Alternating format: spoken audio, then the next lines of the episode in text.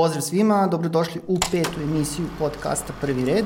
Veoma prikladno u ovoj epizodi ćemo razgovarati o seriji 5 i to sa rediteljem i scenaristom ove serije Balšom Đogom, ali da bismo stigli... Pre toga do toga, tako je, sledi pregled bioskopskog repertoara, najnoviji filmovi, naši utisci o njima, krećemo od jednog ruskog blockbustera. Da, to smo ostali dužni od prošle sedmice. Ruski blockbuster, jedan od najgledanijih filmova svih vremena u Rusiji na uzorku. Drugi svih, najgledaniji. Drugi najgledaniji. Film koji se zove uh, TT34. Uh, Malo vuče na Terminator, ali Terminator nije. i uh, ajde malo neko što spremio si nešto faktografije pa da vidimo šta. Jesam, jesam malo spremio faktografije. Uh, film je u um, ruski bioskop stigao na samom kraju 2018. godine, tipa nešto 27. decembra je krenuo i uh, za veoma kratko vreme postao ogromna hit, zapravo to otvaranje filma je nezapančeno što se tiče rezultata. Film je zaradio uh, 713 miliona rubalja tokom tog prvog vikenda prikazivanja, što je negde otprilike oko 10 miliona dolara. I to je zapravo naj, najbolje otvaranje ruskog filma ikada. A, da bi kasnije do kraja distribucije film pogledalo oko 8,5 miliona Rusa i a, na kraju je zaradio negde... Sovjetskih naroda. Pa dobro, i mislim... Ruse i drugi sovjetski. Svi ljudi koji žive u Rusiji su valjda Rusi, jel? A, zaradio je, znači, na kraju oko 32 miliona dolara 2 milijarde 225 miliona rubalja, što ga je učinilo drugim najgledanijim ruskim filmom svih vremena i za jedno ovako horor ekstravagance Vi iz 2014. godine. Tako da, u svakom slučaju, radi se o filmu koji je, ono što bi Zoran rekao, crowd pleaser, znači film koji je i snimljen da bi zadovoljio mase, da bi se dopao masama. Tu je nešto kliknulo i, uh, iskreno rečeno, film je zaista, zaista dobar. Jeste baš dobar, dobar, dobar film, znači repertoarski zdrav film na temu drugog svetskog rata o hrabrim ruskim tenkistima. Uh, negde na, zapravo posle 25 minuta filma, film krene u nekom drugom pravcu do očekivano, posle tog uvodnog segmenta prve te uh, bitke ja, u blizini uh, male bitke u blizini Moskva, krene u nekom drugom Tenkovske pravcu. bitke. Tenkovske bitke.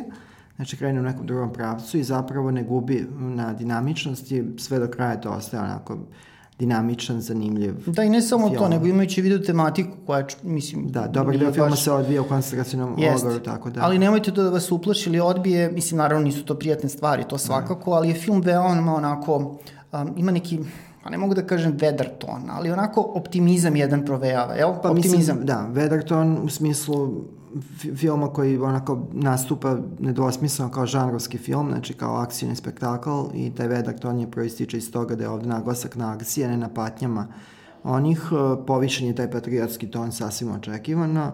To je razlog što je film odlično prošao i ako se posmatra i mimo tog konteksta ruskog blockbustera, znači ovaj film zaista može da se dopadne ovaj, ljudima. E, za naše, našu publiku valja pomenuti da glumi i uh, Aleksej Petrov. Aleksandar. Aleksandar Petrov, koga znamo kao tumača glavne uloge iz velikog hita i kod nas, prošlogodišnjeg filma Led. Jedne od tri. Jedne od tri, da. ali dobro, recimo da glavne muške, glavne znači muške. Biković druga. A, tako da to je to veliki, može da bude veliki mamac i kod nas, jer je Led kod nas bio jako popularan sa puno prava. A Irina Staršenbaum koja glumi u ovom filmu, da. znači glavna ženska uloga, ona je sa Aleksandrom Petrovim glumila i u hitu Sila privlačnosti. Sila privlačnosti koji je takođe prošle godine igrao kod nas, ali nije ipak tako odlično prošao kao Da, u Rusiji jako dobro prošao. U Rusiji, znači i to je to. A sa silom privlačnosti ovaj film T-34 vezuje i dalje ta uh, ruska fascinacija specijalnim efektima. Mm. Ovde je to do, u dobroj meri zauzdano, ali ima taj neki bullet time obsesija, znači prikaza uh, put, putanje granata. Malo matrike za na ruski način. U, u kontekstu drugog svetskog rata i tenkovskih borbi, ali sve ukupno gledano, znači to nije zamerka, to je tako, eto, nekako fusnotica u našem utisku.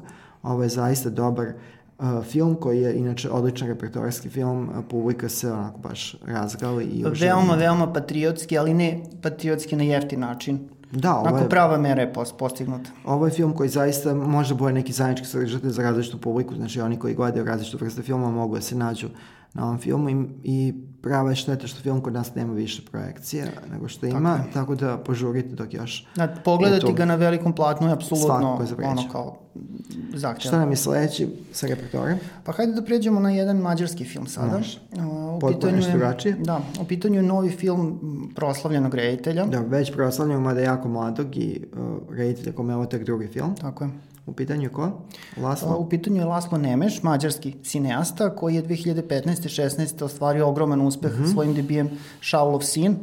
Jedna, jedna priča o holokaustu koja je dobila Grand Prix u Kanu, dobila Zlatni globus, Oscara za najbolji film van engleskog govornog područja. Znači, on je potpuni uspeh je zapravo se desio.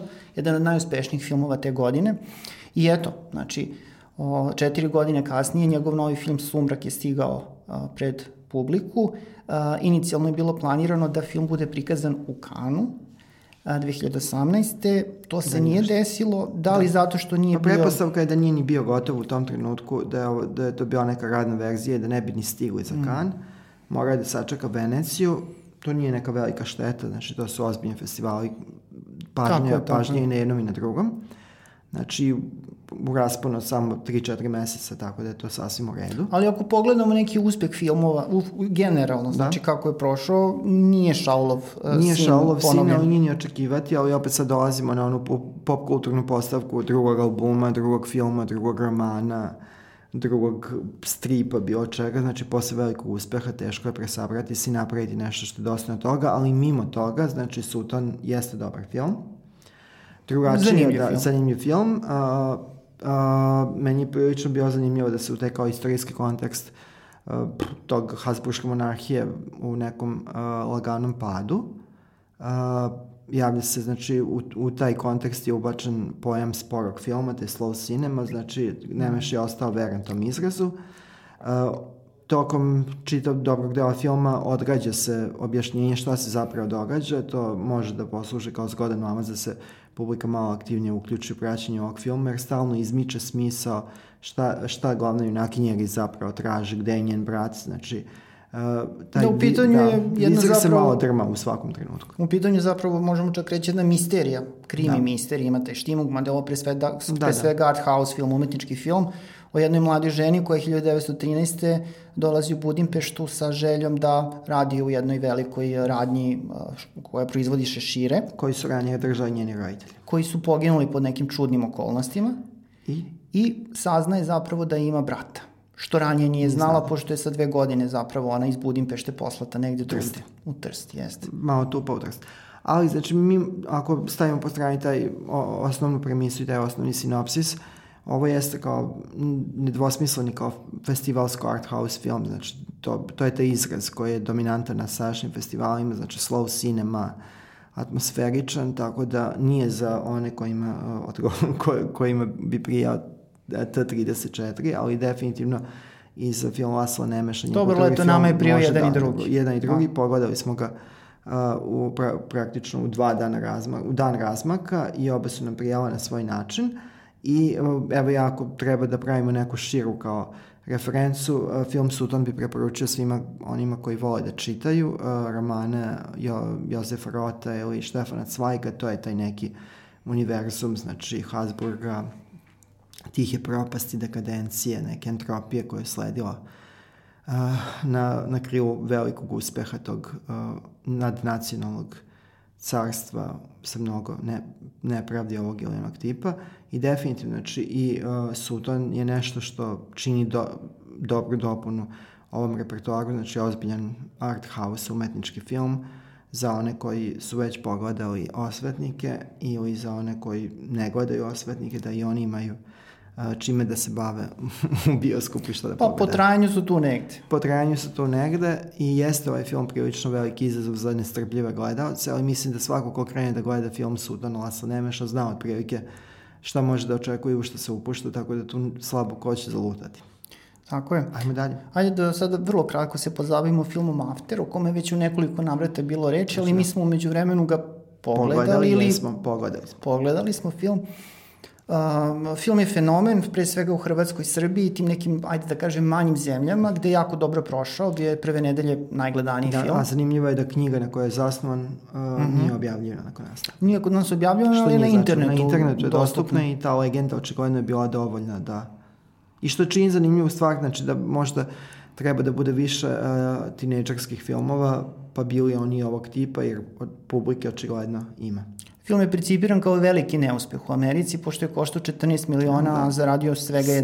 Da, 11 sve u skupu. Ali u suštini, ako se doda tome 43 miliona zarađeno da. u inostranstvu, ovo je zapravo vrlo isplativ jedan film. Da, a film zaista ne, ne zavređuje niti uspeh, niti gledalačko vreme. Teško ga je pratiti ako, ako niste skloni tom bubblegum, tom pa ako nemate 15 godina. Ako nema 15 godina ako niste inicirani u tu priču. Uh, znači, ovo film koji zaista nemate šta da tražite, ovaj, naporan je za gledanje, a pri, pritom je prilično ovaj, jednostavan, nepotrebno je konfuzan, drama je prilično lažna, sve to je garnirano sa podosta grozne autotune i bubblegum da. pop muzike. I Hero Feinstein koji glumi glavnu mušku ulogu. Da. Je zaista užasan. Sestrić uh, Joseph Rafe Fine se uh, pokazao frapantno osustvo talenta za glumu I ovo je film koji nama je tako teško pada i da, ne, da, da imamo rubriku promašaj nedelje ili promašaj meseca, ovo bi svakako a, bilo to. Mada i nejač u pitanju negde. Već Jeste. u startu je bilo za očekivati da ovo neće biti. Ali ja sam se zapitao dok smo ovo gledali, da li su ljudi kada su gledali tineđerske drame 80. godina ili tako, pa oni stari gledalci da li su imali isto taj utisak da gledaju nešto što, što je zaista grozno kao što smo mi imali dok smo gledali ovaj film ali sad to ne možemo znati, nemamo vreme po... No, kad bi ali, se ovo poredilo sa 16 svećica, recimo, da, da. to je... Da. To je to. Mislio sam na čak one lošije filmove, znači nisam mislio Johna Hughesa, nego na, na, na neke koje su kao Vatra s vatrom, Duncan Gibbons, mm -hmm. da li su ljudi imali osjećaj koji nisu ta publika primarna da gledaju nešto loše i je kao tipa, mislim da je ovo, ovo je ispod nivoa konfekcije, znači, za razliku od mnogobrojnih filmova unutar tinežerskog a, tog mikrožanra kroz decenije, ovo je donji deo, svakako donji deo, ovaj, donji deo te lestvice. Sa užasnom muzikom. U, da, to smo već pomenuli, ali nećemo da bavi se više o, o, o lošim filmima. Ajde, Kad ima dobrih. Ima dobrih. Šta je bilo? Zavedi me ako možeš. Zavedi me ako možeš. Izvoli. Da. Pa dobro, ajde, zavedi me ako uh, možeš, znači to je, mm, onako, ajde, upitan, ajde da kažem tako, diskutabilan prevod uh, uh, kod nas, filma koji se zove Long Shot, što bi bilo neko kao slabe šanse ili tako nešto moglo da bude prevedeno. Mrka kapa u nekom prevedenom slučaju. A, uh, ovo je film koji je kao baš prilično očekivan, budući da po prvi put, posle mnogo, mnogo vremena, uh, glavnu ulogu u, jednom, u jednoj romantičnoj komediji uh, glumi Charlize Theron, koja je umeđu vremenu krenula u nekom drugom glumačkom pravcu. Tu je Seth Rogen, Seth Rogen mnogi, mnogi vole, tako da je ovaj film uh, izbog trailera koji je onako delovao prilično poletno i zanimljivo. Bio je baš željno iščekivan. Meni se ovaj film prilično dopao. Manje nego što sam uh, mislio da će mi se dopasti, ali ipak mi se dovoljno dopao i mislim da je ovako, to je jedna ovako zdrav, zdrava repertoarska komedija koja je uh, ekstremno formulična, znači to imamo na ABCD, sve što treba da bude u jednom uh, romkomu i to je ono što smeta, ali s druge strane tekst je jako duhovit, gluma izvrsna, ta glumačka sajka Seta Rogena i Charlize Theron je zaista izvanredna. Mm -hmm. Odabir muzike je izuzetan.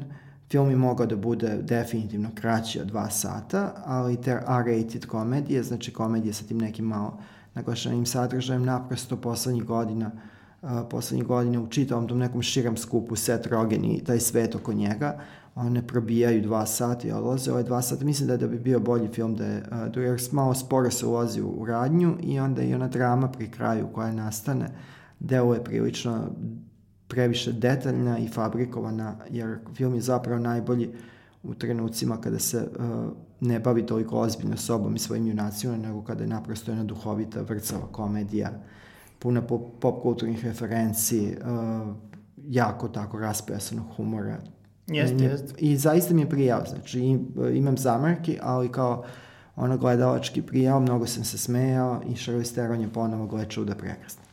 Uh, scenariju je za film pisao Dan Sterling koji je sa Setom Roganom sarađivao u filmu Intervju koji je pre nekoliko godina dosta da, kontroverzan. Da, to je taj univerzum Ivan Goldberg i, i ostalo. I ovaj film onako ima te, tu političku jednu, jednu notu koja je tu onako dosta prisutna, ali onako je, kako da kažem, um, čini mi se da, da je malo i ublažena ta cela priča.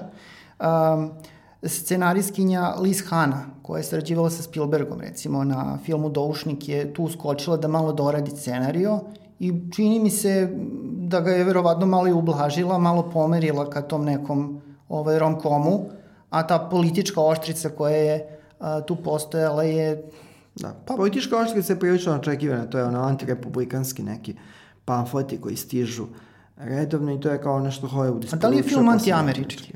pa nije antiamerički, ali kao prilično je, ajde, antitrampovski i to antirepublikanski uh, sa nejasnom tom i na tom ideološkom, ideološkoj ravni prilično razočaravajući, pošto ne donosi ništa novo, to su neka opšta mesta, uh, ono kao bolji su ovi nego oni, bolji ovaj nego one, zapravo ni ovi nisu nešto sjajni i uh, ta potreba za tim malo se kači na taj uh, fem talas kao zašto ne bi žena bila predsjednik, to je nešto što bi trebalo da bude dato, znači nešto kao zdravo gotovo.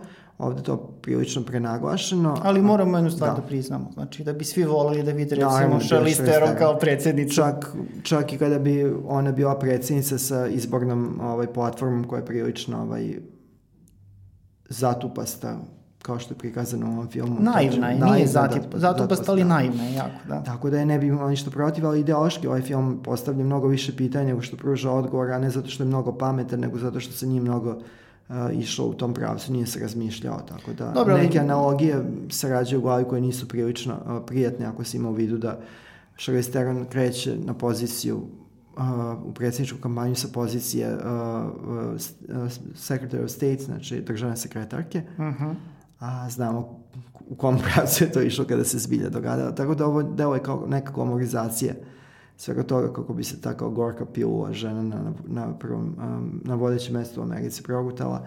I uh, film bi bio, po mojom mišljenju, bolji da se manje bavio time, a više se bavio onim u čemu je odličan, a to je ta onako kao to, ajde iskoristimo taj potrošen izraz, ta hemija između dvoje glavnih junaka. Ta, Ali hemija postoji. I hemija postoji i odlična. Pa i sve Trogan iznenađujuće efektan kao da. romantični junak, mada on jeste pre svega komičar i dalje, ali ovde se dosta dobro drži. I onako počisti Aleksandar da. Skarsgarda, što je i bila ideja, da, ideja zapravo, da. da Zanimljiv film, znači pogledajte ga, mislim da ćete uživati u njemu, onako baš jedno bioskopsko iskustvo, puno krvno hollywoodsko, sa svim onim da, dobrim znači, i da lošim. Da, naglasimo da je to komedija koja je rated, u smislu mogu da gledaju mlađi, ali ono što ovaj film nudi jeste namenjeno zrelije publici. Jeste, slažem se. A, da pređemo na film Uništiteljka. A, u pitanju je film koji je prikazan na festu, premjerno Srbiji, ranije je ovaj, malo putovao po svetu da. i režirala ga je Karin Kusama, žena koja već od 2000-ih pravi dosta solidnu karijeru uz neka iskliznuća i tako dalje. Debitovala je filmom Girl Fight, koji je zapravo možda i najznačajniji zato što je promovisao Michelle Rodriguez kao um, da, filmsku njen, da. zvezdu, da. recimo. Znači, to je bio film koji je dobro prošao na Sundance-u, od toga je krenulo. Um, produkcija Enflux, uh, isto sa Charlize Theron, to je bila jedna onako prilično visoko budžetna akcijona da. ekstravaganca koja... Da, to je superherojski film koji naprosto... Koji došao, nije superherojski. Nije herojski, ali kao može da se posmatra kao superherojski, zapravo poranije. Znači, došao je pre čitavog ovog talasa, došao je pre talasa superherojskih filmova, filmova inspirisanim uh, videoigrama i stripovima, uz to uh, požurio i na planu te feminističke stavke, znači tog uh, prominentnog glavnog ženskog lika i onda je propao Da, ali film je vrlo zanimljiv. Da, Kao i animirana opet, serija po koje, da, na kojoj je baziran. Ali eto i Charlize Theron je bio to, to je sjajno. Tako je, tako je.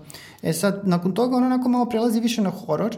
Uh, govorimo naravno redljiki o, da. o, o sami. Uh, Opasna Jennifer iz 2009. sa Megan Fox je bio onako pristojan hit, recimo a, a nekoliko godina kasnije, ma, i ne nekoliko, tek 2005. 15. Da, 15. je snimljen niskobudžetni, ali prilično zanimljiv horror thriller Poziv. Poziv, da. Jeste.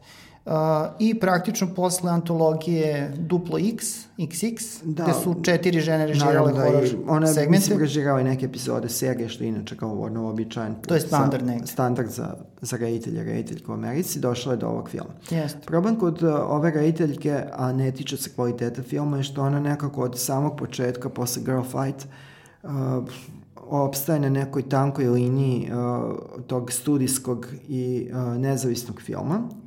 I tako da često filmovi njeni u tom nekom komercijalnom smislu nestaju u tom nekom na, na brisanom prostoru između filmova koji imaju snažnu studijsku podršku i nezavisnih filmova koji prođu sjajno na festivalima, budu otkupljeni za ozbiljne novce a, za prikazivanje, a onda negde nestanu u gomili noviteta, igraju na malo ekrana i to je nažalost problem i sa a, a, ovim filmom.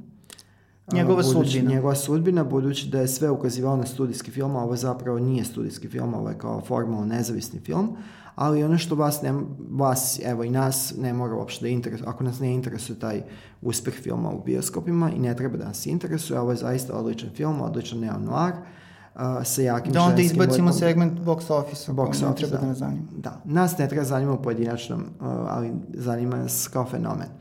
Kada odete da gledate film, nije važno koliko je zaradio. Ako je dobar, ovaj film je zaista dobar i nudi dosta toga za ljubitelje. Ideja je bila da Niko Kidman dobije Oscara ili bar nominaciju, što se nije desilo, ali je dobila nominaciju za Zlatni Zlatni globus. globus. Da. Dobro, ove godine su nominacije za, za Oscar otišle u nekom čudnom pravcu i nije ona prva koja je nastradala, ovo je zaista izuzetna uloga. Ja imam inače malo problem zbog njenih nazovimo ih tako, fizičke transformacija, da je pratim zbog tog silnog rada na tom licu. Ali ovo je odličan film, znači mogu da ga, pre, ako neko, evo, ako se stari naši gledalci ili oni koji pomnije prate film, oni koji vole Usijeni čovjek Catherine Bigelow, ovo je sjajna zamena za to. Znači, ne, nova, nova var- varijacija na tu temu, neo-noir, dobra misterija, uh, odlični glumci u ostalim ulogama, Tatjana Maslani, Sebastian Stan, Prljavo onako Da, film, ali ne previše prljavo. Uh, oni koji me prijala prva, uh, druga sezona, True Detective takođe mogu da budu zadovoljni uh, ovim filmom i meni je ovo kao film sedmice definitivno po mom izboru, ako uopšte treba i da bavimo, budući da smo ove, ovo, ova sedmica imali prilično dobar izbor. Jeste, dosta dobar izbor, da. Što se tiče sledeće sedmice, znači možemo samo brzo na, najavimo šta će da krene uh, i da se onda uh, bavimo malo box office-om i vestima. Uh, znači, sledeće sedmice u bioskope kreće od ovih većih krupnih naslova animirani film Ugly Dolls, kod nas je jako simpatično preveden Ružnići, on ove, ove sedmice kreće u Americi, pa ćemo vidjeti da li je da li će se očekivanje ispuniti, da li je to uh, sigurni hit. Uh, osim toga, kreće francuski, francuski odnosno panevropska koprodukcija Edmond o, o, o autoru Sirena de Bergeraka, to, je, to su već ovi filmovi koji stižu sa uh, festa. U, na otvorenju Beldoksa bit će prikazan film Linija života, biografski dokumentarac Darka Bajića na temu njegovog oca, čuvanog slikara. A dan samo kasnije, 10. maja, kreće nebeska, uh, bit će svečana premijera filma Nebeska tema Mladen Matičevića u Vladi Divljanu. Film se prikazuje na Divljanov rođena 10. maja u Sava centru, a 16. maja ulazi u redovnu bioskopsku distribuciju. I tu je, tu je skandinavski film Uteja uh, 22. juli, znači nakon pola Greengrassa, odnosno negde u isto vreme. Skandinavci su snimili film, u pitanju art house, evropski film, na temu Brebekovog masakra na ovom ostrovu Uteja i to je to što se tiče noviteta. Da, ovi filmovi ulaze da. 9. maja u bioskope sa izuzetkom zapravo jeli, ovog filma Vladi Divljanu koji će imati premijeru na njegov rođendan 10. kasnije. maja, a 16. kreće u redovnu distribuciju. Što se tiče box office kod nas ništa nema značajno novo, osvetnici kod nas suvereno dominiraju, Balkanska međa je druga, ali već odlazi uh, sa repertoara, što je i sasvim u redu, budući da je ostvario odličan rezultat i uh, dugo je već tu. Uh, ostatak je After, uh, Dumbo i Wonder Park, Park čudesa, to je sve ne, negde na nivou očekivanog, a u Americi ove sedmice, znači, izlaze na Megdan uh, a osvetnicama ko se usudio. Znači, pazi, gled, a, zavedi me ako možeš, ko još? Ne znam, reci ti meni. Reci ti me, dobro. Znači, uh, iz, ulazi ovaj... uh, Slabo ko ulazi, pošto mislim... Da, uh, ovo baš treba sad hrabrosti da se... Uh, film Intruder, to je jedan home invasion thriller sa Michael Milliam, uh, Megan Good i uh, Denisom Quaidom i u nešto manji bioskop meksički film El Chicano koji je zanimljiv uh, zato što ga je napisao Joe Carnahan. Vidjet ćemo kako će ovaj film ovaj proći. Očekuje se da uh, će ovo biti, uh, da će ove nedelje suvereno ovaj, vladati uh, i dalje osvetnici, tako da je ovo Da, baš osvetnici hrabro. su milijardu i 600 miliona dolara već zaradili na svetskom nivou i samo toga 450 u Americi. To je do 1. maja. Znači, Da. posle toga još je para zarađeno. Sad ukratko vesti. Ajmo da vidimo. Prepuštaš mi? Naravno, ja ću pomoći. Ovaj, nema potrebe. Biće. Nema potrebe. Biće. Nema potrebe. Biće. Nastavi. Nema potrebe. Sve je pod kontrolom. A, ekranizacija jednog od mojih omiljenih stripova iz detinjstva, Tom i Jerry, Hanna-Barbera, čuveni crtač koji je debitovao 1940. Kratki animirani filmovi su bili hit, kasnije stripovi. U pripremi je a, i igrana verzija ovog filma ili to oni zovu zapravo igrano animirani hibrid, pošto će znači biti glumci, jeli, od krvi i mesa, ali će naslovni junaci zapravo biti animirani slično kao u Štrumfovima, što je rađeno u ovoj igrano animiranoj verziji. Film režira uh, Team Story. To je loša uh, vest. Što nije baš sjajna vest, da, mada pogledat ćemo ovog šafta, što je režirao, to će uskoro stići u bioskope, taj novi šaft, možda će to Da, malo on ima baš popraviti. prilično loših filmova. Možda će to malo popraviti Taksi, utisak. fantastična A četvorka. Chloe Grace Morris, uh, ili već kako se njeno prezime tačno čita, je u pregovorima za glavnu ovu ljudsku ulogu, ajde tako da kažemo. Tom i Jerry će kao i ovim originalnim animiranim filmima biti nemi, tako da tu neće biti mesta za taj neki star power što se tiče glasova. A, pored toga, tu je i film Murder Mystery koji nam stiže a, mnogo, mnogo pre a, Toma i Jerry-a, pošto će Tom i Jerry tek 2021. zapravo stići u bioskope. Murder Mystery a, premijera na Netflixu 14. juna.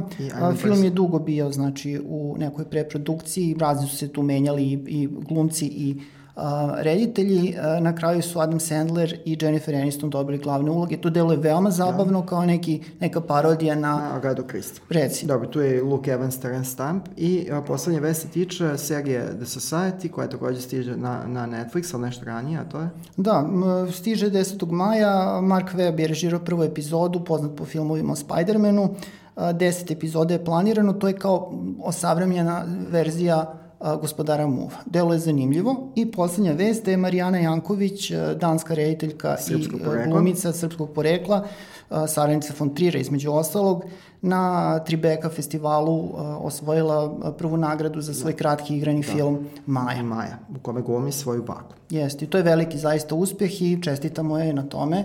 Očekujemo možda i dugi metar uskoro, što se režije tiče, jeli. I sada kao nekom magijom, naš gost je tu sa nama, Balša, dobrodošao. Sam našao. Balša Đogo, a, scenarista i reditelj, jedan od scenarista i jedini reditelj serije 5, koja se upravo prikazuje na RTS-u. Devet epizode je do sada emitovano, ostalo nam je još. Tri ili dve. Dve. Sa devet, da, dve, dve, Dve, dve, da, dve, dve, da. jedanaest. A bilo bi lepo da i tri, ali i dve, eto moramo da se zadovoljimo sa dve. Zapravo i bilo je planirano da bude 12 epizode, je li tako? Pa bilo je, da, na početku je bilo planirano da bude 12, pa na kraju iz 11. produkcijskih okolnosti i svega ostalog 11. Ajde. Veliko mi je zadovoljstvo prvo što si mogli se hvala. Pa hvala i nama, mislim. Mi zovemo ljude koji imamo šta da pitamo i čiji rad volimo i poštujemo, tako da moramo eto da priznam javno e, da serija 5 predstavlja jedno veliko osveženje, nešto zaista posebno i drugačije na našim malim ekranima i hvala ti za, za seriju i za taj trud koji si uložio u nju. Meni je, to naj, ovo je meni je najbolje što se trenutno emituje, tako da... Ne, da, da, Misliš Pa- e, i od srpskih i od... Ne, od srpske, od srpske serije svakako Kako najbolje. ćemo Da. da da. Možemo Da, da završimo sad. Ajde, od toga. Hvala, Znači, hvala i da ide. Balša, gde si, gde si bio do sad? Pa ja Pre sam, pet. Ne znam, ja sam radio kao pomoćnik dugo. E, strašno se sporo dolazi do šanse. Mislim, bar sam ja sporo dolazio do šanse, možda su drugi bili nekako tu uspešniji od mene, iz moje generacije. Ovaj, ne znam uopšte kako se to desilo, ali ja sam uglavnom negde pred pet sam ja shvatio da ili ću nešto da napravim ili da polako prestanem, pošto biti pomoćnik reditelja, to je stvarno, iako je, treba i neko znanje, iskustvo i godine, mislim, ipak se tu, sve to može da nadokradi energije nekog mladog čoveka. Da. Jeste, i obično su pomoćnici mladi ljudi. Mladi ljudi koji mogu da trče, oni moraju da budu u patikama i težak posao. I stvarno je teško raditi sa ljudima koji su, na primjer, 20, neki čak i 30 godina mlađi od sebe, pomagati im da nešto kažu, ovaj, tako, mislim, ja starim nije baš ono... Svi starimo, svi. Ali dobro, eto, znači sad se situacija promenila. Promenila se, da, nekako je Bilo je to jedna avantura, jedna prava avantura, vrlo zahtevna, vrlo onako puna nekih, jedan thriller, od, zapravo snimanje serije je bilo thriller. I Ja, ja, neobično je, ljudi se odluče da rade nešto što što je samo njihovo i što nije, i zašto nemaju produkcijske praktično kapacitete da ostvare, pa njihov izbor bude različit od onoga koliko imaju snage, kratki igrani film ili neki igrani film. Ja sam mislio da imaju snage za 11 sati igranog sa 150 glumaca i moram da vam kažem da sam bio mnogo puta da sam razmišljao da li sam se prevario. Ovaj, da, je, da, li, da li ja to uopšte mogu da isteram. dobro, sad više nemate dileme. Nemam te dileme, ali treba mi da ne ponavljam. Ja moram da kažem da je a, pet najgledanija domaća serija i najgledanija serija zapravo na našim kanalima. Oko milijuni 400 hiljada ljudi svake nedelje seriju prati, znači ne pada gledanost, rasla je, sad se stabilizovala i to je negde oko Ti ljudi milion i koji po. prate, prate. A pritom je najbolje režirana od svih domaćih. Da, odlično je režirana i zanimljivo je da je sve epizode režirao jedan čovek, to se vidi negde, mislim, prosto da... Ja ne znam kako to ljudi misle. Kako deo, da. Da, mislim, meni je zaista čudno da se ljudi odlučuju i za te neke kolektivne režije, ako nekoga baš dobro ne poznaju i nisu razumem Žileta i Leku koji rade U tandemu, da. rade Ivana Živković i. Miroslava Lekića, da prevedemo da. u državnom službeniku, ali zaista ne razumem neke ljude koji o, Živković je radio sam korene i to se vidi. To je tačno. To se, to se Pa dobro, mislim, verovatno je to negde datosti te produkcije, da se nešto i paralelno snima. Pa ja sam ovde, mislim, imao, ja sam želeo ovo sam da radim, Mhm. mm sam imao, zato što je to jedini bio način da zadržim Da li je ikad bilo neka ideja da možda više ljudi režira? Pa bilo je, ali na sreću toliko je bilo komplikovano da nikom nije padalo na pamet. Pa Svi su odustali, jel? Da se u to umeša. Um, veoma je redk, redke su serije domaće sa ženama u fokusu, a i to što je snimljeno možda i bolje da nije uglavnom.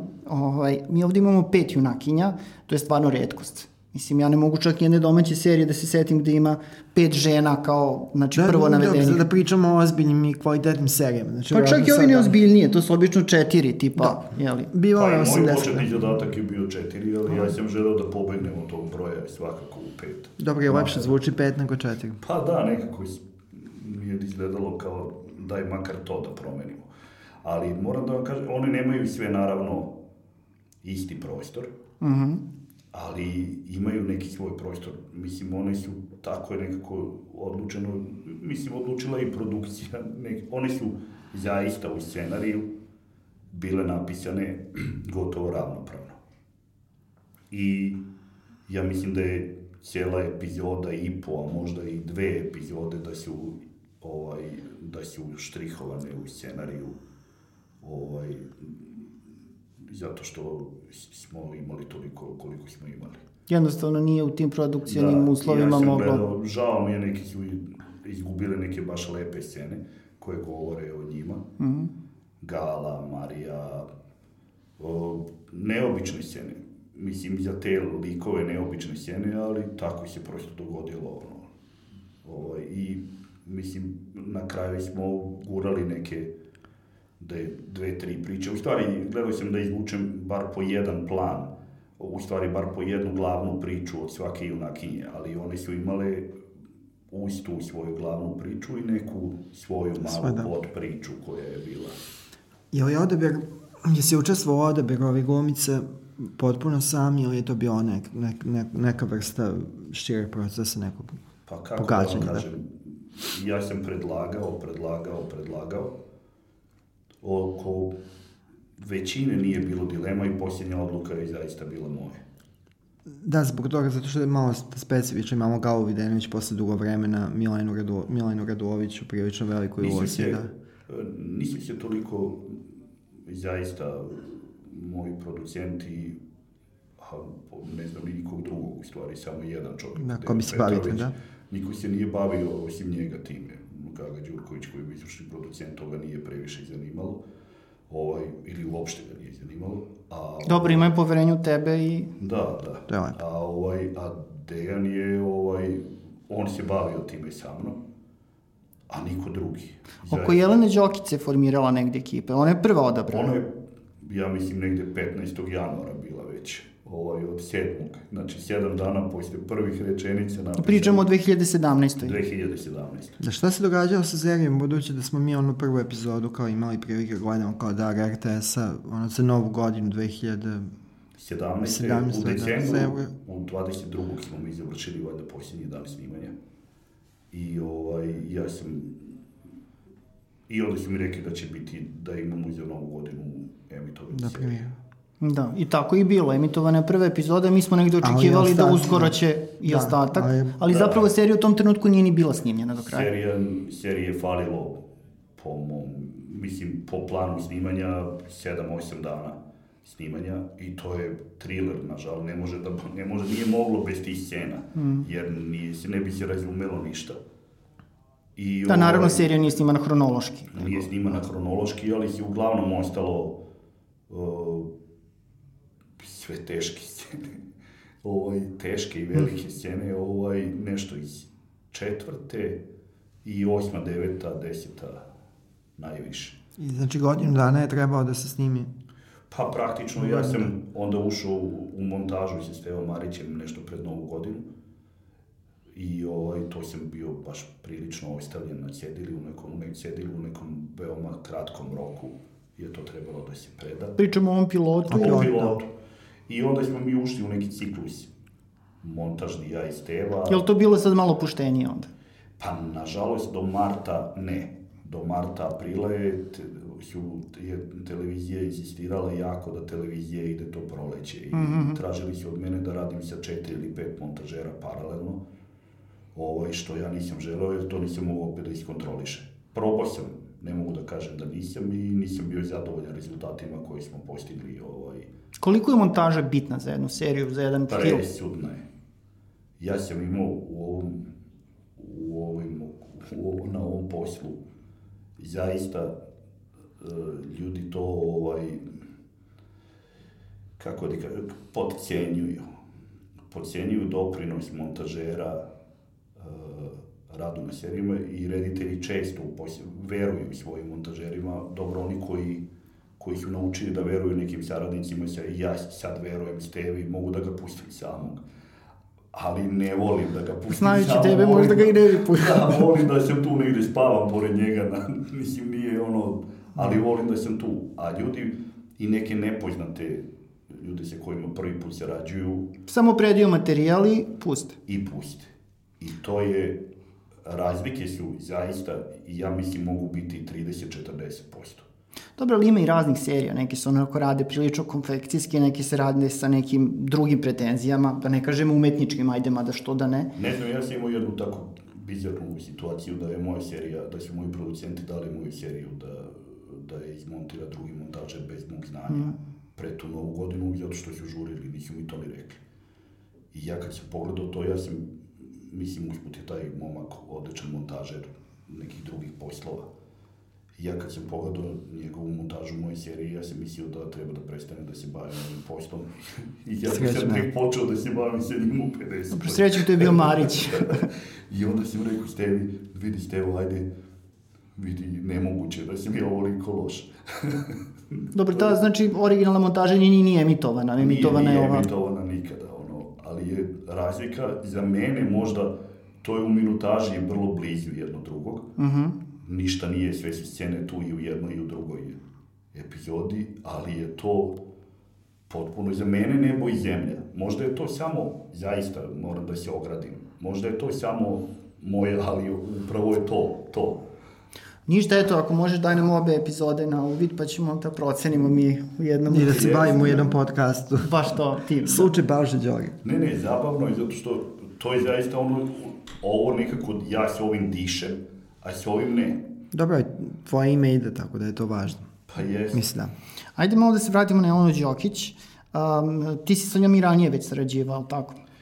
Pa nisam imao mnogo sreće da radim sa njom. Ja sam nju gledao u pozorištu. Uh, radio sam jedan casting za profesora Marinkovića. Uh, Diši duboko. Diši duboko, u kome sam odabrao nju i Anu Franić, pošto mi on do, dosta dao široka ovlaštenja u tom castingu, gde je bilo dosta glumica. I njih tri su bili u nekom užem izboru, Ana Franić, Tijana Ćurović, kada je bila klinka još ono potpuno dete, i, i Jelena Đokić. I ja sam Jeleni dao tu ulogu i poslije sam nešto neposredno posle početak, početka tog filma, ja sam otišao, one su same radile taj film, ali sam ga poslije gledao i tako. I, I tu ti si Jelena dopala. Pa da, ali mislim da je ona dobila svoju ulogu u šinama. Sam gledao U pozorišnoj predstavi, da. Pozorišnoj predstavi. Mislim, prosto od ona je bila i nekako mi je ona ličila na Ninu. Mhm. Da može biti Nina. Onda je sve tako sam i slagao, kad sam slagao druge glumice, i znate, ja sam Hristini dao strašno težak zadatak. Hristini Popović. Hristini Popović, tre, težak Loleta, za koga nisam znao kakav će da bude. Mislim, ja sam kockar. Mislim, Ide- nisam ovako životno kockar, ali sam tu si zaista kockar. I dete još. I dete, Vuka, koji je dete moje e, devojke, ovaj, i koji sve što sam znao o njemu je da mi veruje. Dobro, što je bilo važno u I suštini, što jel? je, što je, ja mislim, presudno. I Lola i Vuk su mi verovali. I Mišu, koga sam video, koji je drugi stražar kod Snežane Trišić u pozorištu u, u, u, u predstavi. I gledao sam ga u Čihmašima poslije toga, gde Znači, Miodrag Grgičević, da objasnim. Mi, Miodrag Drvićević. I ja A Lola je Jovan Savić, jel Da, da. I ja ispajam sa tom trojicom i ona treba da odigra ulogu celu sa dva naturščika i Mišom koji je takav neobičan. E, Neobičan je, on je, ja sam ga i uzeo zato što je meni, e, mislim, zaista posebna vrsta glumca. Predivno može, on je ponudio i zaista raskošnu ulogu, ali je, da nekako mu treba i prići. I mlad je i tako. Dobro, Žad sa glumcima je stvarno jako dobar. I mi smo I onda ovaj... je Hristina tu, kako da vam kažem, je nametnula se kao rešenje neko iskusan i imali smo dva puta, sve joj je bio penal da može da bude sve što se, kao što je igrala kod Dragojevića, tamo, gde god, mislim, sve je što što je mogla da odigra, a da ja sam je molio da on igra ozbiljno. Ali ima malo komičnih Pa elemenata. ima ono zato što je takav tekst, ali sam je molio da to igra ozbiljno i ona je odigrala ozbiljno. I mislim da smo pogodili. Mislim, moram da kažem da je i ona tražila, ja sam se lomio da li da joj dam jednu ili drugu, da li da joj dam Galinu ulogu ili, ili ovu ulogu i ona je molila me da igra ovu. Ajde kad smo već kod toga da, evo da postavimo pitanje koje onako negde provejava u nekim privatnim razgovorima stalno, a to je ta ogromna potrošnja gotovo isti glumaca u, u, u novim srpskim serijama. Kako da se nosimo kao gledalci s tim? Pa, To ponavljanje, evo da ja objasnim. moram da vam kažem da sam se ja junački borio da nemam nikoga iz Sjenki nad Balkanom, da nemam nikoga iz ove standardne Draganove ekipe, Dragan Bilogrlić. Da? I zato da ne bi... Ne zato što su to loši ne glumci zato što je naprotiv. naprotiv, nego zato što da bi bio u nekom svom svetu i nekom svom univerzumu. Ali ovaj Dugalić vam se poklopio. I onda sam ja zvao Dugija koji je tamo igrao jednog malog generala, onog malo ulogu onog Jeste, generala, da. Prvoj Nije sezoni. I ja sam zamolio Dugija da smrša i da igramo to, da radimo to, da radimo pet, to leto. I pet je trebala da ide te zime, ovaj, da, je, da je sve bilo kako treba. I naravno on je hteo i poslije toga me Poslije toga se to odlagalo, e, naišlo je jutro, gde su, gde su otišli moji pomoćnici na jutro. Jutro će promeniti na sve. jutro će promeniti sve. Kod Dragan, mi smo onako nekako ipak familija od ranih dana, Bilogrlić i ja, ono, radili smo to od, njih, od davnih dana, ja sam radio filmove sa njima i dosta znaju šta ja radim i koji su ljudi koji kod mene igraju. Gledali su neki, ali Dragan me zvao, pitao me, ti ne smeta, četiri glumci igraju uživo sa njima. Cvele, Miša, Dragićević, e, Benčina i ovaj, Cvetković. da. I ovaj, ja sam rekao, pa ne smeta mi ako njima ne smeta. Pa moraju oni da rade, jel? Ali ovaj... Ali na kraju, eto, Žigosani su izašli pre zapravo pet. Žigosani su bili svi izašli onda je pred. Dimitrije napisao službenika, gledao je to i izdušno je savjetovao ovaj, svoje reditelje da neki ljudi dobiju uloge zato što mu se, mu se dopali i kako se igrao. Znači, pet je zapravo, zapravo postao reference za glumce i pre nego što je emitovan. Pa ja moram da kažem da, da je to meni veliko zadovoljstvo, zaista. Da je kao, mislim da sam povukao nogu nekim ljudima da dobiju uloge. Ovo, Da, Da, ali Milena Radulović takođe, znači, zapravo to je njoj prva velika neka uloga. Pa jeste, i Milena, i, ali to je naše tržište. Malo, Jeste izazov za gledalce, znači, pošto mora se i to... Jeste. Da. Neko bi vodio računa od televizije do televizije, da li da idu baš u isto vreme, ali... To se ovaj, kod nas ne pazi, Ne očigledno, pazi da. se, ne pazi se, ali je, ovaj, šta ne znam, to je... To je malo- lepo. malo Mislim, laska, jel? Pa laska. Što se tiče ovih Laska, glumaca laska, izbora, da. Trendsetter. A kaži mi, ovaj, e, jako me zanima ovaj priča o Gali Videnović. Nadam se da ćemo jednog dana i nju gostiti ovde u ovom podcastu da popričamo a, i sa njom, ali eto, da pitam tebe, znači kako ste došli do Gale? Mislim, Gala je 80-ih bila sve, znači zaista je bila Krajem ogromna. 80. Dobro, krajem 80-ih, da, onako baš, baš veliko, veliko ime i ovaj, velika jedna glumačka senzacija i onda je nestala. Da. Ovo je zapravo sad jedan povratak i to u prilično velikom stilu. Pa Galu, ja moram da kažem, glumu ne zanima. Dobro, i to je legitimno. I to je legitimno, nju zanima neki drugi život i, i ona je u tom životu srećna. I moram da kažem da je svako čupanje vrati se na ovu našu stranu, mračnu stranu sile, samo ono, bukvalno to. Pa kako si uspeo? Kako si Pa uspeo? jednostavno, nije bilo tako teško, ona je dobra osoba i ako je zamolite, ona hoće. Ali, ovaj, bilo je neobično, verovala je tom našem prvom, našli smo se u nekom razgovoru, ono, nešto bez veze ispred kuće, ono, više smo na ulici pričali nego što smo i sjeli u taj kafić, ono, ja sam joj pričao kako će da izgledati serija, ona je pročitala scenariju. I mislim da je bio presudan taj scenarij. Kao što i bi trebalo da bude, da. Mislim da je bio presudan taj scenarij. I ja sam delovao kao neko ko veruje duboko u taj scenariju i mislim da je se to dopalo i to je bio razlog da ona u to uđe. Ja je nisam razočarao, ali nisam je, nema nešto, ne verujem da bi, pošto je bilo isto teško da, da stignemo do svega ovoga, ne verujem da nešto čezne za nekom novom ulogom u, u filmu. ili Dobro, ajde, vidjet ćemo sad, Ali, da. eto, to je moje mišljenje, ali mislim, Gala je, eto, tako je to prošlo. Ja mislim, inače, svi koje sam zvao, zvao sam zaista 140-150 glumaca, zvao sam za epizode, znate, neke divne glumce, potpuno, ono, dobitnice Žanke Stokić da odigraju mi pet minuta, onako neke naše najveće glumice, mislim da je presudno bilo to da verujete, ja sam verovao u taj scenariju, a i one su, to se prenosilo nekako kao zaraza. Jesu Ja glumice mislim- osetile, znači prosto da je to jedan scenarij koji između ostalog je feministički.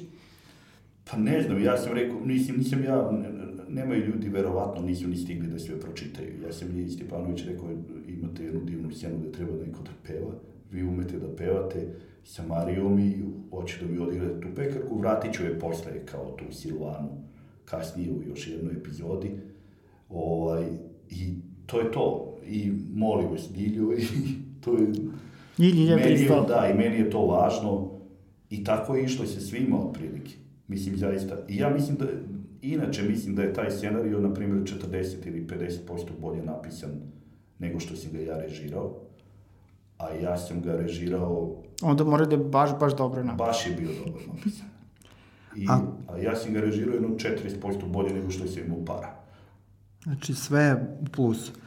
Ako je, ako je serija 5 otvorio onda kao u smislu nekog portfolija otvorio šansu glumcima da dobijaju neke druge anšmane, da li onda sad možemo da pratimo taj kao logički sled pa da kažemo da je ovaj uspeh ove prve sezone, a sad on je evidentan da li je otvorio vrata za drugu sezonu. Jel ima već I tebi kao naznaka? reditelj.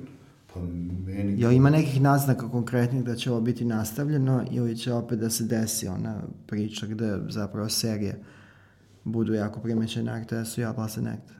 Pa ne znam što da vam kažem, ja sam radio artiljeroj sa Srđom Anđelićem, pa onda po njegov poziv da režiram jednu epizodu koju on sad radi sa Đuričkom, kapiram kao i neko naš dug nekom prijateljstvu iz mladosti, a ne kao seriji 5.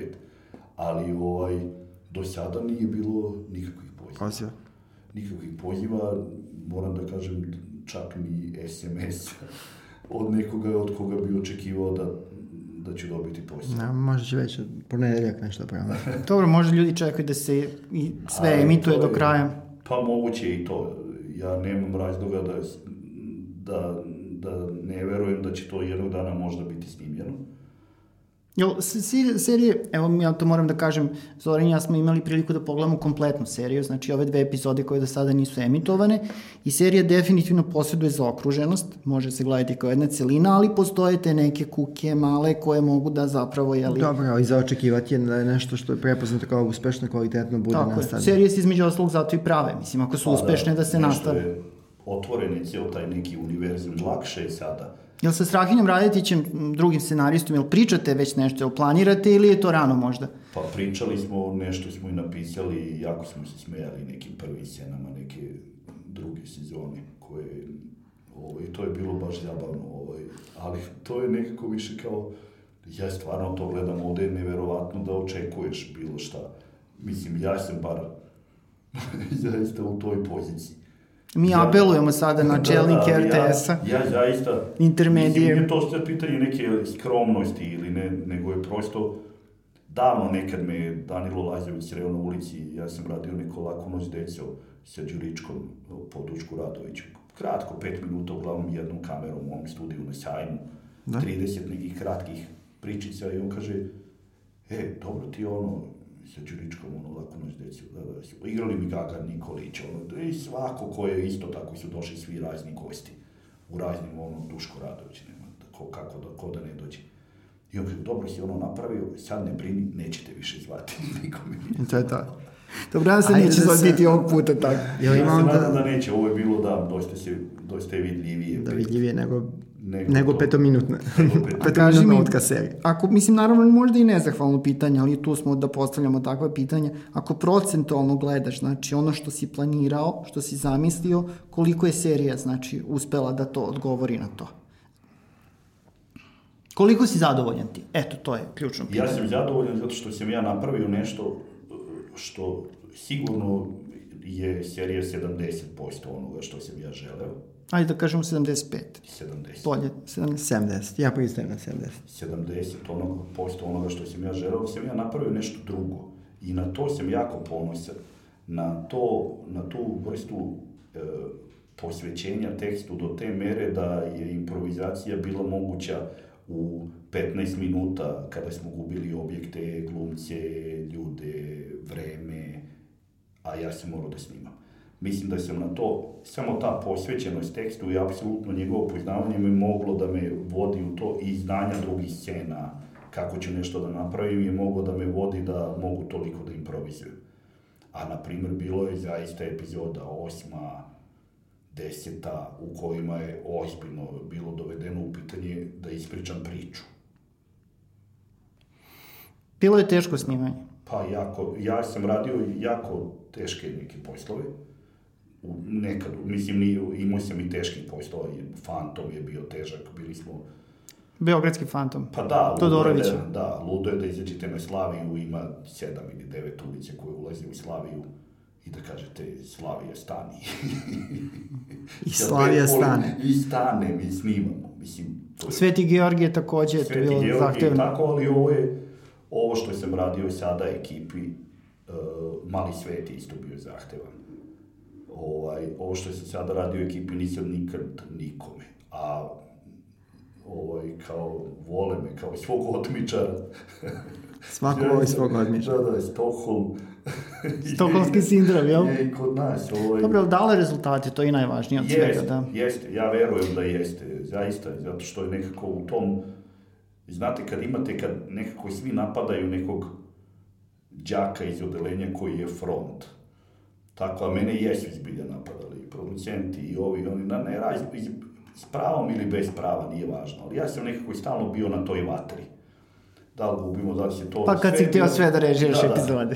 sve je bilo to, onda nekako je potpuno logično da se, da se neki ostali đaci solidarišu sa njime.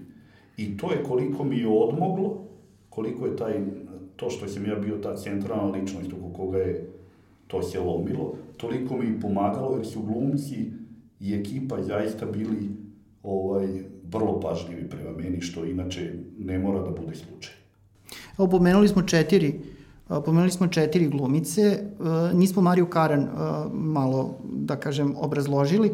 Ona je sad onako na relaciji Amerika-Srbija, više Amerika Da. zapravo, čini mi se. Um, koliko je bilo teško uklopiti nju sa ostatkom ekipe zbog tih njenih obaveza i porodičnih i druge koje ima u Americi?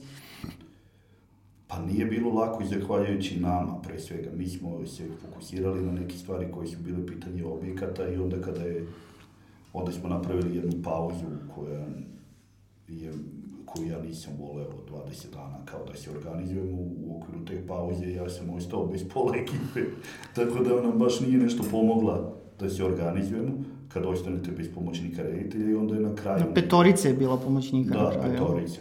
Mislim da dvojice su pročitala tekst, trojice nisu. Dobro, Neću nisu stigli. Dešava se. Ali, ovaj, ali Marija je onda rekla da ona ima još 8 ili 9 dana da snima sad to i da mora da ide kući, ono, da, nije, da je čekala predugo u Beogradu.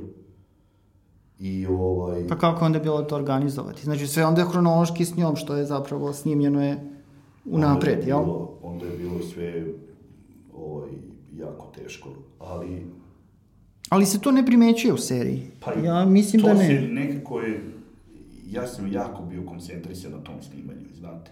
Baš e, sam znao šta je ispred, šta je iza i šta je tri scene ispred za svakog glumca i tako. I nekako ima, ja kad sam nešto radio malo princa na Akademiji Egziperijevog, ono, kad sam bio ovaj, neku malu kao pozorišnu predstavu. Režirao si? Da, da, kod Gilića. Ja sam znao na pamet tu knjigu.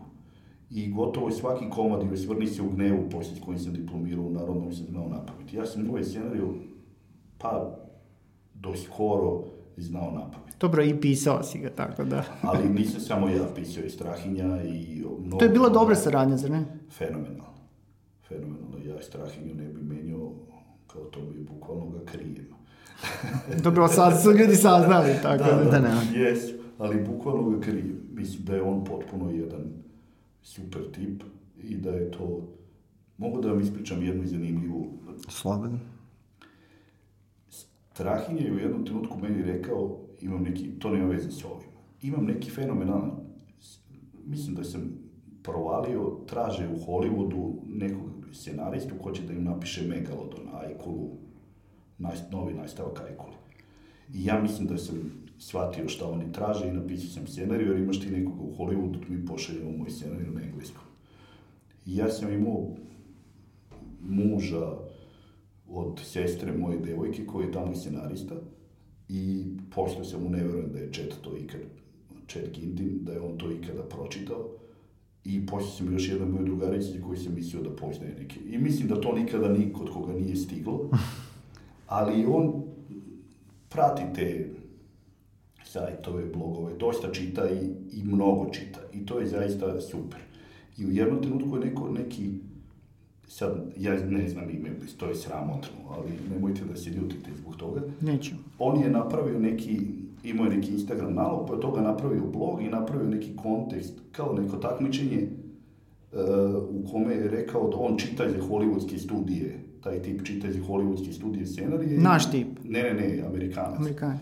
on čita za hollywoodske studije scenarije i ovaj, on kaže da ako ne zainteresujete studio u prvih deset strana, te koji čitaju u studiju prvih deset strana onoga što napišete, da nemate mnogo prilike da neko pročita do ostatak. I napravio je takmičenje za prvih deset strana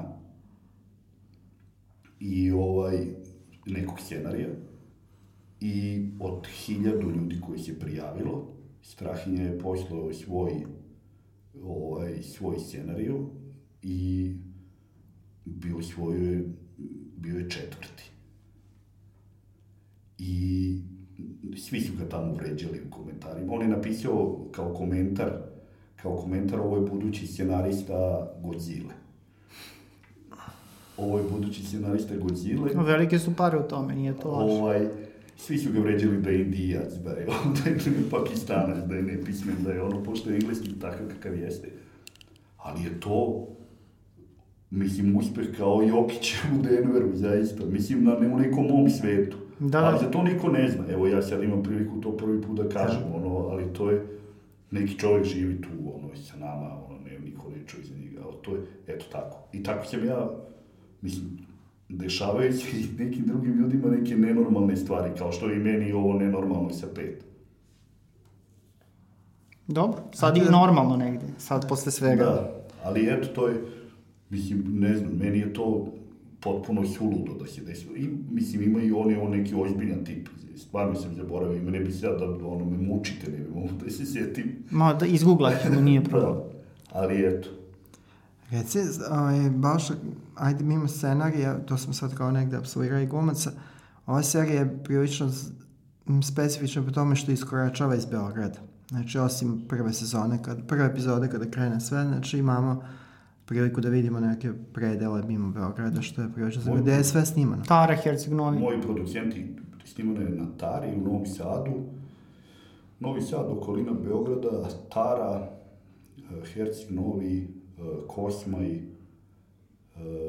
Rudnik na planini Rudnik. To je bila svesna odluka. Da, Jel tako? vrlo svesna odluka. Moji producenti su želeli da se serija apsolutno dešava na Dorčulu. Od kafića do kafića. Od Dušanove i ispod do, do, naj, do Knjež Mihajlove. Da, to bi bila neka druga priča. Da, i da se sve potpuno je bilo nejasno šta ja radim sa tim objektima, to je u stvari bila naša najveća svađa. Da, ali mislim u tom smislu onda pet bi bilo lisice, jel? Pa, Mislim lisice dva, koji bi otprilike. sedeli po kafićima. Ja sam insistirao da bude 180 ili 200 objekata, zato što sam znao da ta tara otvori kao u filmu kad udahnete vazduh od jedan put, ono kad nekako, kad u dobrom filmu neko kaže promeni pejzaž, promeni sve i onako od jedan put udahnete vazduh, e, kao idemo sad na ovi neki Tako je, tako je. E, tako je i ovde potrebno da ljudi, tako je bio taj Kosma i tako je bio taj Rudnik, tako je došao taj Herceg Novi sad u ovom finalu. Koji još Koji nije emitovan. Koji još nije emitovan, ali mislim i može, jeste ona jedna scena kad Lole odlazi kod onog čoveka, ali taj Herceg Novi može biti i neka Grčka i nije, nekad Da, da, ja ne da. definišem kao to je neka kuća na moru. Pa Dobro, ali dovoljno je jasno da, da si Da. malo iskoračio, što je veoma važno. Ali je to bilo, to je bila moja želja i, I to je napravilo dodatni problem. to je napravilo dodatni problem oko selitba i oko svega. Ja sam morao da snimam, ja sam otišao na Taru, bili smo četiri dana na Tari, ja sam se četiri dana vratio se 52 minuta izmontiranog. Sad, redko kad se dešava da moj pomoćnik je, obično sam ja snimao po 15, nekad 18, 20 strana dnevno, to je bilo nekako normalno. A ovde, pošto je kad su spojili sve, bilo je 30 i nešto strana koje treba da snimim u toku jednog dana sa 8 glumaca na 10 lokacija. Znači, dobar vazduh poboljšava Ovaj, snimanje. Pa ne, oni uzeo i smanjuju mi font. Da se ja ne bi uznemirio. Znači da može i to. To mi Malo nije važno. šala Da. koju mi je poslije rekao da se, ja sam, pošto ja nisam pogledao uopšte, ja samo pogledam broj strana za sutra. To ono, znam koje su scene, ne, ono, kao i pogledam, kao, znaš i dalje je to 17, a nije 32 su. I snimam, i snimam, i snimam, sve vreme trčimo. Mislim, apsolutno nije, ne, ne, ne, ne šalim se i ne preterujem. Mi sve vreme trčimo gore, dole i sa mnom trče Vladić i taj Bogdan s tim kamerama i cijela ta ekipa kamere. Ne nosimo stative, ne nosimo ništa. Rasvita nosi platno sa sobom. I mi sve vreme to, i ja snimam, snimam, i ne, na kraju dolazimo, ono, smrkava se, mi treba da snimimo onu scenu kada raketa pogada, pogađa auto, oni su umeđu vremenu to ukopavali. Mi se jurimo neko komadiće sunce u šumi da snimimo one scene Jelenine i Milenine i dolazimo, hoćemo da probamo, rekao, no kakva proba, ne dolazimo, ne probamo ništa, izleteće batice iz kola, diži u vazduh bez probe, valjda će pono, daj da se pomolim Bogu, kao prekrstim se i hajde. I vredelo je. I, i snimam. I kao, e, kao dobro, to smo završili snimanje. I kao, aplauz. 9 uveče, ti ljudi koji sa mnom trče cijel dan, nekako aplaudiraju i sebi i meni. I to je zbilja lepo, to su neki lepi trenuci koji su potpuno nestvarni, ono, na setu. Pa još ali na kao, targetu. uspeli smo da, is, da kao, čak smo i ovo stigli. Hoćemo malo planovima da porazgovaramo. A, sigurno nešto pripremaš novo, ili bi nam otkrio? Osim druge sezone. Pa osim druge sezone, ovaj, Ja navodim na svoje kao. da, osim druge sezone, ali drugu sezonu bi pisao u nekim potpuno rukavcima. Pravio bi je, čak se razmišljam i o vremenu.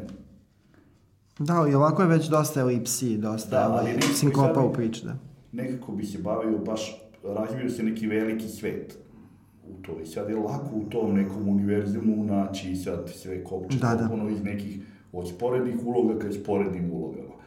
Ne moraju biti bez, preska, bez ovih koji su kao bile noseće uloge. Sad prosto može da se raširi to na neki vrlo je zanimljivo raširiti to po, po, po periferiji onako. I to je nešto što mene uzbuđuje u nastavku serije, kad bi radili nastavak serije 5.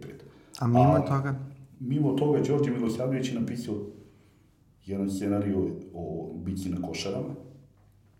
I ja sam dosta sad radim na tom scenariju i predao sam ga na konkurs Filmskog centra Srbije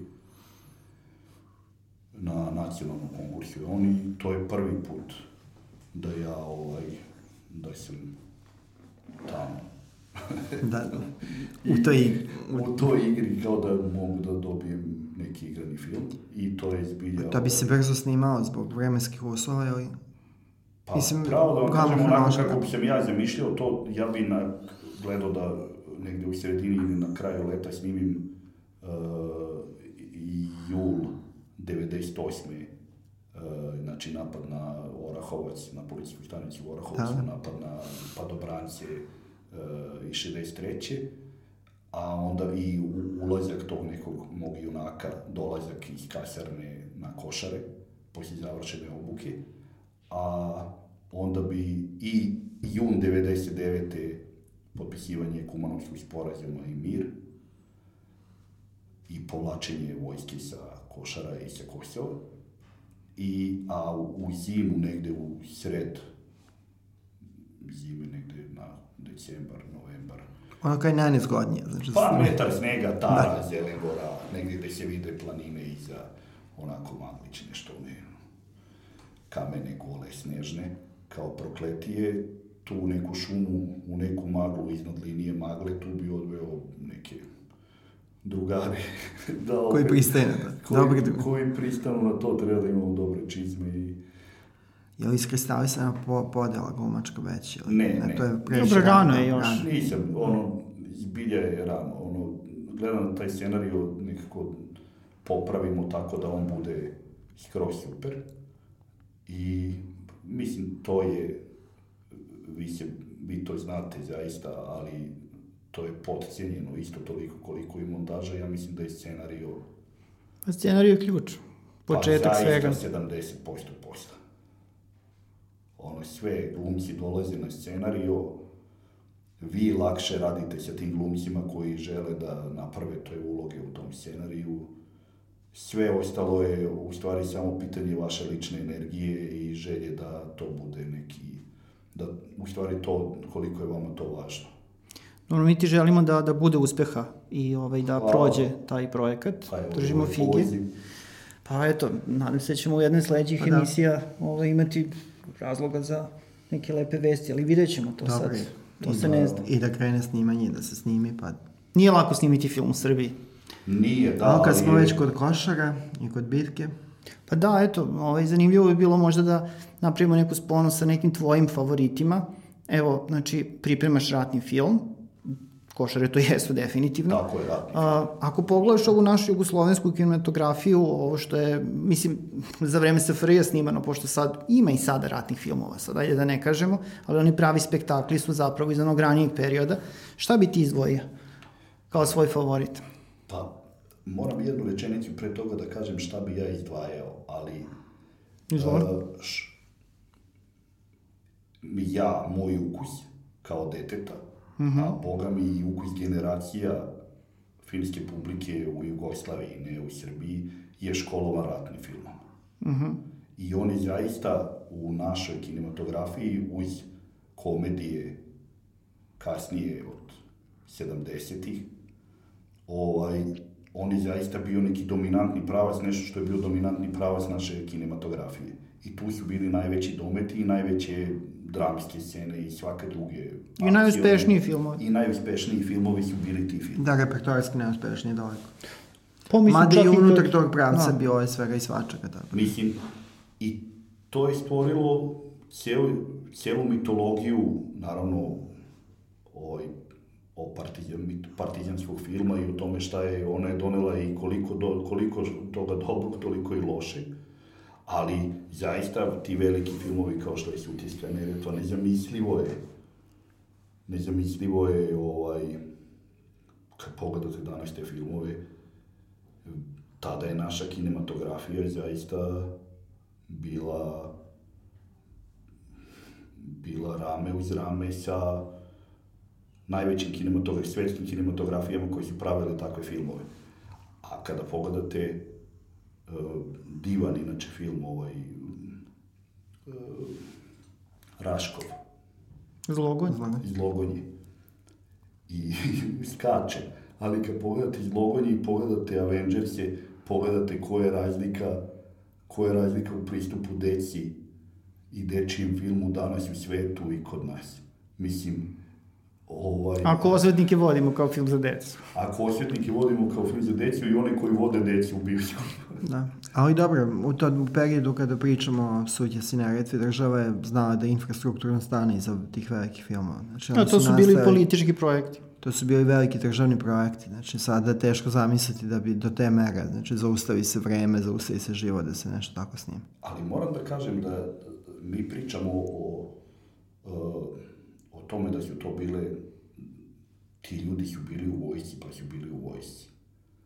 Kako da vam kažem, ta služila vojska 15 mjeseci, 12 mjeseci, pa kao potpuno je bilo sve jedno da li će taj dan da pešači na neku Markovu glavu pored prilepa ili ne znam, negde ono tamo po Zelengor ili će da ide tu na snimanje i da ga Bogu tako, mislim, kao potpuno je bilo, nema, ne mislim da je to pitanje, znate, u- kad sam ja bio dete, potpuno je bilo normalno da nam podele one štapove sa ekserom i da bodemo sve papiriće po bloku 45.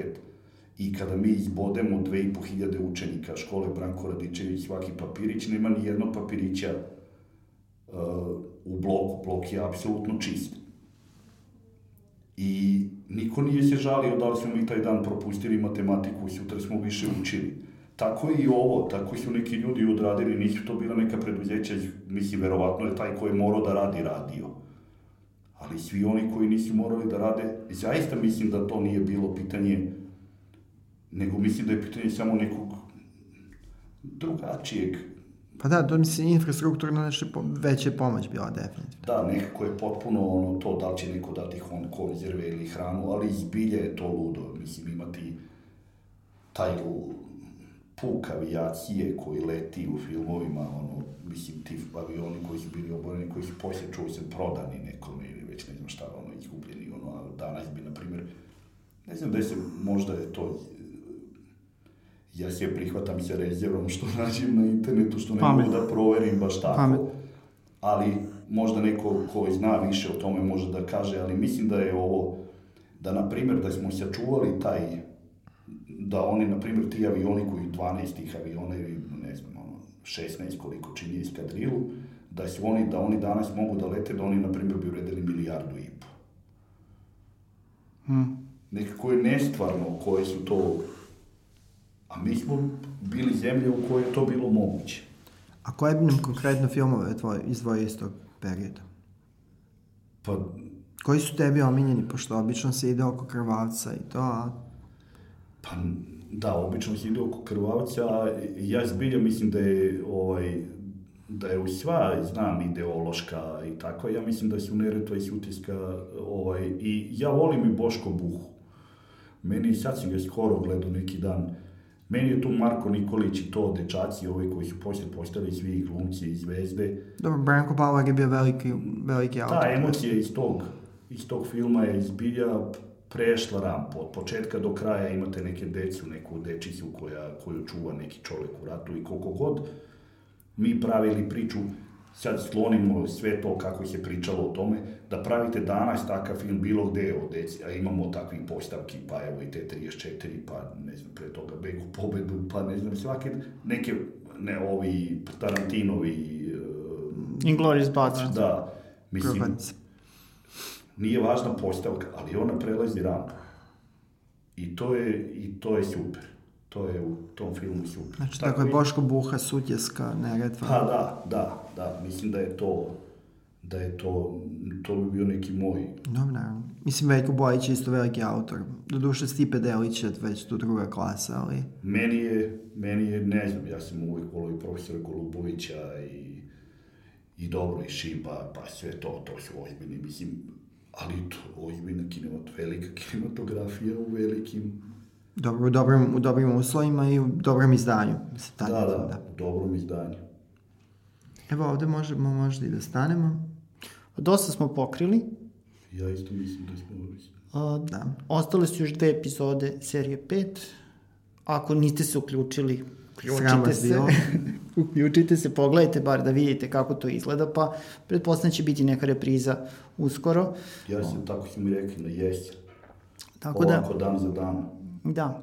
Tako da svakako veoma, veoma, veoma zanimljiva serija i I kvalitet. kvalitetna i ovaj, uh, ako bi recimo govorili o pet aduta serije 5, ovo je naša peta emisija.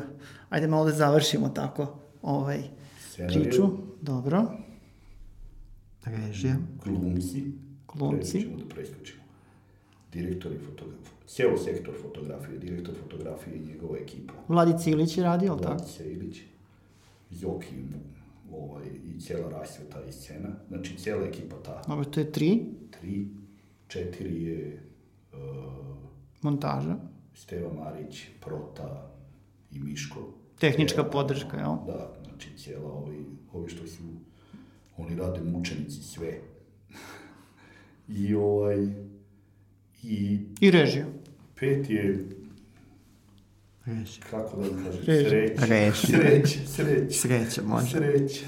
Pa bez sreće ništa izgleda. Bez sreće ništa, da. Ovo je bio Balša. Đogo. Bio Balša. Đogo, naš dragi gost u Hvala. petoj epizodi.